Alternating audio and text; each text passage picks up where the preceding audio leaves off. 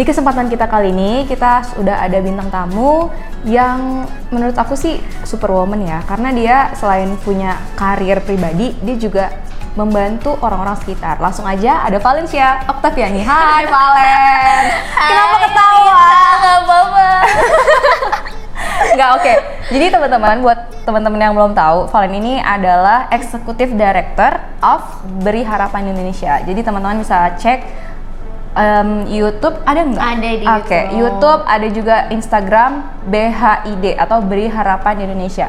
Di situ lebih ke suatu organisasi gitu ya Len ya. Iya, iya. betul, Jadi betul. eh, kalau gue bisa kasih informasi, correct me ya if I wrong. Jadi si BHID, BHID ini tuh lebih ke arah eh, organisasi non profit tentang sosial gitu ya. Iya, betul. Jadi bisa dijelasin? Oke, So, oke. Gue cuma tahu sampai situ doang nih. Oke oke oke. Jadi Beri Harap Indonesia itu apa sih? Beri Harap Indonesia itu sebenarnya non governmental organization, NGO, non profit, bisa disebut juga social organization, organisasi sosial. Jadi emang yang eh, bergeraknya tuh di bidang sosial untuk membantu masyarakat dan kita emang non profit nggak ngambil profit sama sekali gitu sih. Tapi itu itu kan Oh, ini ide dari lo kan? Maksudnya, lo dulu kenapa sih pengen tiba-tiba tuh ada BHID gitu? ini panjang nih ceritanya nih. Nggak apa-apa. Apa-apa nih. Kita ya, tungguin ya. sampai sahur. Tenang, Oke tenang. oke sampai sahur nih bentar lagi buka nyampe sahur lagi. iya kak. Lanjut. Jadi uh, Beri Harap Indonesia itu terbentuknya awalnya sebenarnya iseng. iseng. Awalnya iseng. Awalnya iseng tapi jadi jadi suatu yang serius dan menurut gue bagus sih karena itu. tim gue tuh orang-orangnya hebat ya. Hebat, hebat gue juga ngeliat sih totalitas kalau te- teman-teman eh, buka Instagramnya, feedsnya tuh bagus banget dan dan menurut gue profesional sih. Amin, amin. Ya mungkin kelihatannya kayak gitu ya di sosial media. Tapi bener kan? ya semoga seperti itu di belakangnya kan. Amin, amin. em, ada yang kelihatan di sosial media kita nggak tahu di belakangnya kayak gimana. Pasti ada hard work juga di belakangnya. Ada banyak pengorbanan yang harus dilakuin juga. Jadi gimana backgroundnya berharap Indonesia itu? Jadi backgroundnya itu awalnya. Jadi sebenarnya kebetulan gue kuliah di Malang. Mm-mm. Bareng Lita. Oh bareng gue. ya? bareng iya, Lita. iya. tapi Oh kita temenan ya? oh ya kita temenan tapi nggak pernah ketemu itu ya. Iya. yang yang lu selalu sibuk itu enggak sih? yang lu juga selalu sibuk itu Iya, iya benar benar benar. Oke, jadi em, ya kuliah di Malang bareng Lita di suatu universitas negeri di Malang lah. Hmm. Terus em, tapi gue beda jurusan sama Lita dan kita emang punya kegiatan masing-masing. Terus gue emang udah dari dulu tuh emang tertarik ada keinginan untuk bikin sesuatu gitu. Karena biasanya gue cuma mengikuti arus kan. Pasti lu ngerasa kayak Iya. aduh gue tuh ngikutin arus mulu tapi gue pengen bikin sesuatu yang benar-benar impactful but Iya. I don't know what I don't know how but I just wanna do it gitu Iya, kan. tapi kita kalau dulu SMA kan lebih ke arah kayak OSIS gitu atau ekskul karena gitu ada ya. sistem kan kita harus Ah, ngikutin betul, sistem betul, gitu. Kalau kuliah kan lebih apa ya lebih free soul Fleksibel. lebih kayak kita bisa ngapain aja kayak gitu dan eh, kebetulan pas gue kuliah gue juga lumayan sibuk Iya, iya sumpah. sibuk Kayak gimana sih? Kayak lo tuh bisa bisa gitu ngebagi waktunya. Makanya gue tanya ini tuh kenapa lo tuh bisa berpikir seperti ini padahal di tengah-tengah kesibukan kita tuh banyak hal yang harus kita kerjain gitu. Iya, alhamdulillah gue lumayan eh, banyak kegiatan waktu kuliah gitu. Jadi eh, banyak dapat eh, banyak kenal sama orang-orang yang benar-benar eh, insightful dan benar-benar eh, apa ya em, inspiring. Jadi kita ngerasa eh, kalau gue sih gue jadi ngerasa inspired to do something and create something gitu waktu gue kuliah. Tapi I've never had the chance kayak gue nggak pernah punya kesempatannya sampai akhirnya kebetulan alhamdulillah gue lulus 3 tahun 4 bulan lulus cepat Sombong, sombong. eh anyway, anyway gue itu gue juga. sebel gue sebel banget kalau dibilang lulus tiga setengah tahun Kenapa? soalnya gue lulusnya tiga tahun 4 bulan kok tiga Oh, setengah oke. tahun tuh tiga tiga tahun 6 bulan gak boleh dikorupsi dia Oh baik, baik, baik, baik, baik. Eh berarti gue bisa dong ya disebut 3,4 bulan. Eh, Ya, 3, juga kan? 3, enggak, gue gue karena kebetulan gue ini transisinya dari corona ke eh Hmm. dari tidak corona ke corona. jadi gue menunggu sistem itu dan Hmm. lumayan sih. Jadi ya gue lulus jadi sombong. tapi kan less than 4 tahun ya Iya kan? sih. gue ngelap dong lu Ya enggak sih. ya ya kalau gue bilang kumlot gue mau kasih tahu nggak IPK gue berapa? Oh, Sombong banget nih jadi ngomongin IPK. nggak nggak bercanda ya. Oke lanjut lanjut lanjut. Oke gimana gimana? Oke ya udah terus akhirnya gue kebetulan alhamdulillah lulus 3 tahun 4 bulan. Jadi ketika kita lulus lebih cepet kita punya spare waktu untuk melakukan sesuatu Iya, kan. kayak kosong ya gabut gitu mau ngapain tuh bingung. Gak gabut juga sih, Oh, cuma ada gabut. kesempatan gitu, ada kesempatan untuk kayak melakukan sesuatu. Nah kebetulan waktu itu awal Oh jadi Berharap Indonesia itu terbentuk awal 2020, Januari 2020. Gue lulus tuh Desember 2019. Nah Oke. waktu itu eh, gue mau pulang kan ke sini ke Jakarta. Terus banyak banget kertas bekas, kertas bekas, Laporan. laporan, Skripsi yang dicoret-coret. skripsi yang direvisi mulu itu dosen saya. Halo bapak. Eh kita harus mengucapkan terima kasih Ya, kepada terima kasih Bapak. Pak dosen udah mencari-cari skripsi saya. Saya jadi punya banyak kertas bekas yang menginspirasi untuk melakukan sesuatu. betul banget. Jadinya kan jadi eh, impactful ya ke orang-orang. Alhamdulillah. Iya, Terus, terus terus? banyak banyak kertas bekas. Terus abis itu eh, kertas bekas gue tuh banyak banget, bener-bener dua tum dua tingkat gitu banyak. Terus gue mikir ada kali ber- lima rim apa berapa lebih Iya? kali Mm-mm. banyak banget kertas bekas gue gue seboros itu emang terus, habis itu gue ngerasa ah ini kalau kertas gue buang sayang Mm-mm. gue jual duitnya dikit Iya, kan tapi kalau di nggak diapa-apain numpuk gitu kan. ah, kayak gitu daripada Akhirnya? jadi sampah akhirnya gue mikir tidak mungkin gue doang yang punya sampah kertas ini Oke. pasti orang lain punya sampah kertas juga yang sama Ah. akhirnya gue mikir "Em, ya udah deh coba eh, gather temen-temen yang kebetulan waktu itu angkatan gue tuh emang yang lulusnya cepet tuh banyak jadi mereka punya kertas bekas yang Hmm. Juga. udah nggak berguna Oh, lagi banyak kan oke. pasti Terus Akhirnya mikir, lo sama-sama lah. gitu ya, Mm-mm. ngejual, abis itu lo duitin, terus habis nah, itu problemnya duit mau dimanain Oke, ya kan? oke. akhirnya em, kita mau dimanain. party lah.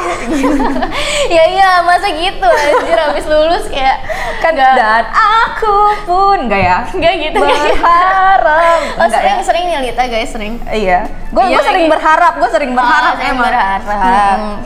ya gitu deh. Terus habis itu eh, gue uh, approach teman-teman gue yang eh, kebetulan lulusnya bareng juga. Mm-hmm. karena gue mikir mereka punya kertas juga kertas bekas juga dan ternyata benar banyak awalnya tuh cuma iseng doang lewat teman ke teman aja kayak gue ngechat lu juga nggak sih sebenarnya Hmm. Eh, gue di juga. chat gue eh, ngechat kru lo sih Hmm, bless ya nah ya gue nanya kayak apa namanya nanya-nanyain orang-orang pada punya kertas bekas nggak soalnya kan semakin banyak kertas bekas yang terkumpul kita jadi jualnya makin banyak Ah. uangnya makin banyak ya oke nah terus akhirnya em, gue Uangnya? ngelis ya uangnya mau dipakai ke mana akhirnya gue ngelis eh, panti-panti tadi mau ke panti asuhan cuma gue mikir ah coba deh cari yang lain panti Hmm. jompo atau panti disabilitas akhirnya setelah beberapa pertimbangan kita ke panti disabilitas itu karena kan orang jarang juga ya ke sana ya ke Jarang. panti disabilitas Heeh. ya pasti orang biasanya ke panti asuhan gitu, gitu terus akhirnya gue bikin broadcastan gitu yang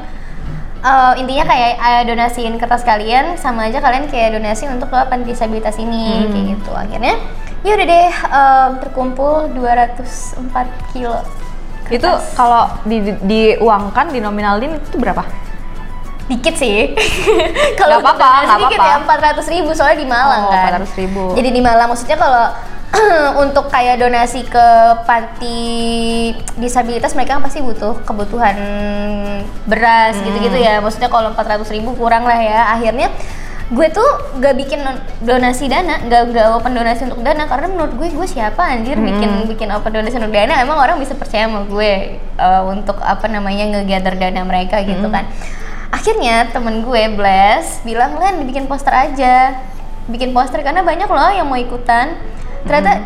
di situlah momen di mana gue realize ternyata banyak loh orang baik di dunia ini cuma Iya. mereka nggak punya platformnya aja dan mungkin gini kadang gini em, misal lu nggak nggak gue nggak punya ide lu tuh pengen mendonasikan sesuatu tapi lu nggak tahu ke mana karena lu nggak eh, punya eh, special bond sama Ah. orang itu tapi kalau misalnya sama organisasi itu tapi kalau misalnya lu kenal sama gue lu tahu BHID lu tahu gue gimana jalaninnya lu percaya gue Ah, pasti ah. akan menyalurkan itu dengan baik Iya, gitu gue kan, paham gitu. sih. Akhirnya kayak lo, lo juga memberikan orang kepercayaan Platform, iya gitu public kan. trust juga gitu Oke. dan em, akhirnya waktu itu gue awal-awal banget gue jalanin sama Bless sama satu lagi teman gue namanya Bila Em, terus Bertiga tuh. bertiga awalnya tapi belum terbentuk nama Beri Harapan Indonesia gitu belum terus abis itu em, ternyata pas setelah kita sebar poster orang-orang tuh banyak banget yang baik-baik. Akhirnya- kayak tadi gue bilang gue nggak buka donasi dana. Orang bilang bisa donasi dana nggak? Gue kayak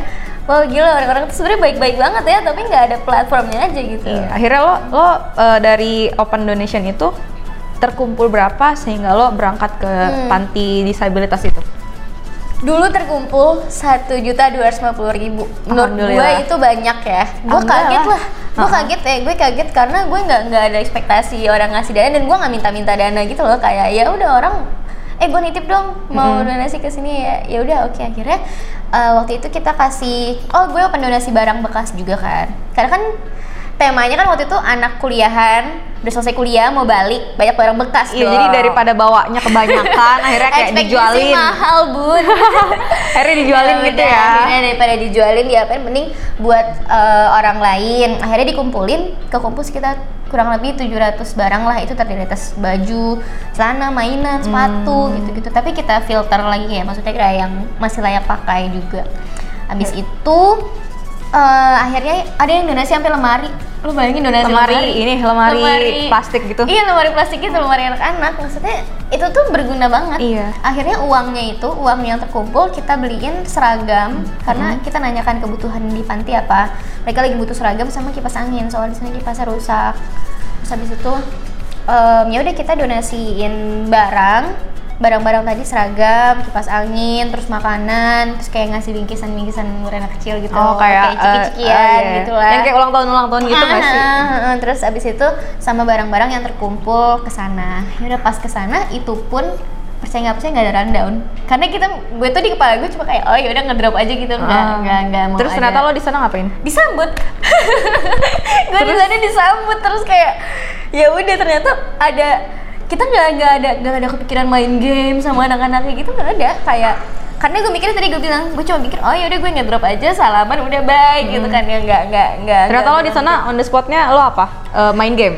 kan disuruh sambutan Hmm. gue sambutan dong waktu itu belum ada nama Beri Harap Indonesia kan terus gue bilang dari alumni Brawijaya Al- oh, atas oke. nama alumni Brawijaya aja karena kan waktu itu kan gue akhirnya berangkat ke sananya itu nggak cuma gue bertiga gue ngajak teman-teman gue yang lain kurang lebih ada sepuluhan orang Oke. oh itu sebelum corona ya guys sebelum corona Ya kan masih awal Iya, 2020. awal 2020. Terus abis itu em, nge-games impromptu di sana. Ya udah nge-games, nyanyi-nyanyi, sambutan dan pulang dari sana semua orang happy. Gue tuh di sana tuh benar-benar tersentuh banget ya karena pas kita datang ke sana, mungkin karena anak-anak itu jarang dikunjungin orang kali ya. Mm-mm. Eh, ada mungkin ada beberapa kali, cuma mungkin gak sesering panti asuhan kali ya, lihat ya Ya mungkin ya. lu pernah juga kan ke Gue sana pernah. kan nah terus sampai pas gue mau pulang gue mau nangis sampai gue mau pulang pas gue mau pulang tuh anak-anak kayak jangan pulang jangan pulang Mm-hmm. dipeluk-pelukin ya gimana ya pengennya juga stay tapi kan kita harus pulang Iya. iya, karena emang Ya anak anak-anak sana tuh basically sebenarnya bisa ini loh, bisa berkomunikasi Interaksi, dengan baik ya. Cuman bener. memang dia punya keterbatasan secara fisik sih. Mm-mm. Kayak gitu. ya udah akhirnya setelah dari situ pulang teman-teman gue ini kayak ya Lanjutin ngerasa, dong, gitu, ngerasa, sayang nih, "Mm," gitu. kayak gitu pulanglah kita ke Jakarta Oh, tidak ada pembicaraan apa pun nah kebetulan teman-teman gue yang 10 orang ini itu adalah teman-teman dekat gue kayak satu geng gitu lah ini ya Mm-mm. satu geng waktu kuliah jadi kita tuh dulu kebetulan teman-teman gue ini solid jadi kita tuh skripsian gak tinggal-tinggalan kita skripsian tuh support-supportan jadi kayak kita kayak bikin grup belajar gitu. Yang kayak ayo ayo ayo. Kalau lah. belum ini lu Positive vibes. Mm-mm. akhirnya nah ini ini ini kayak geng skripsi gue gitu. Oke, terus? ya kemudian teman-teman circle terdekat gue.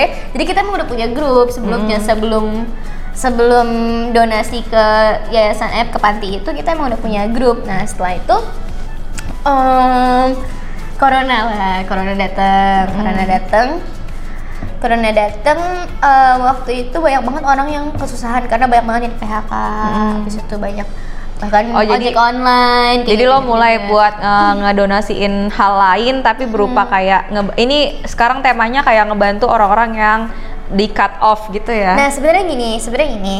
Tak itu kan belum terbentuk.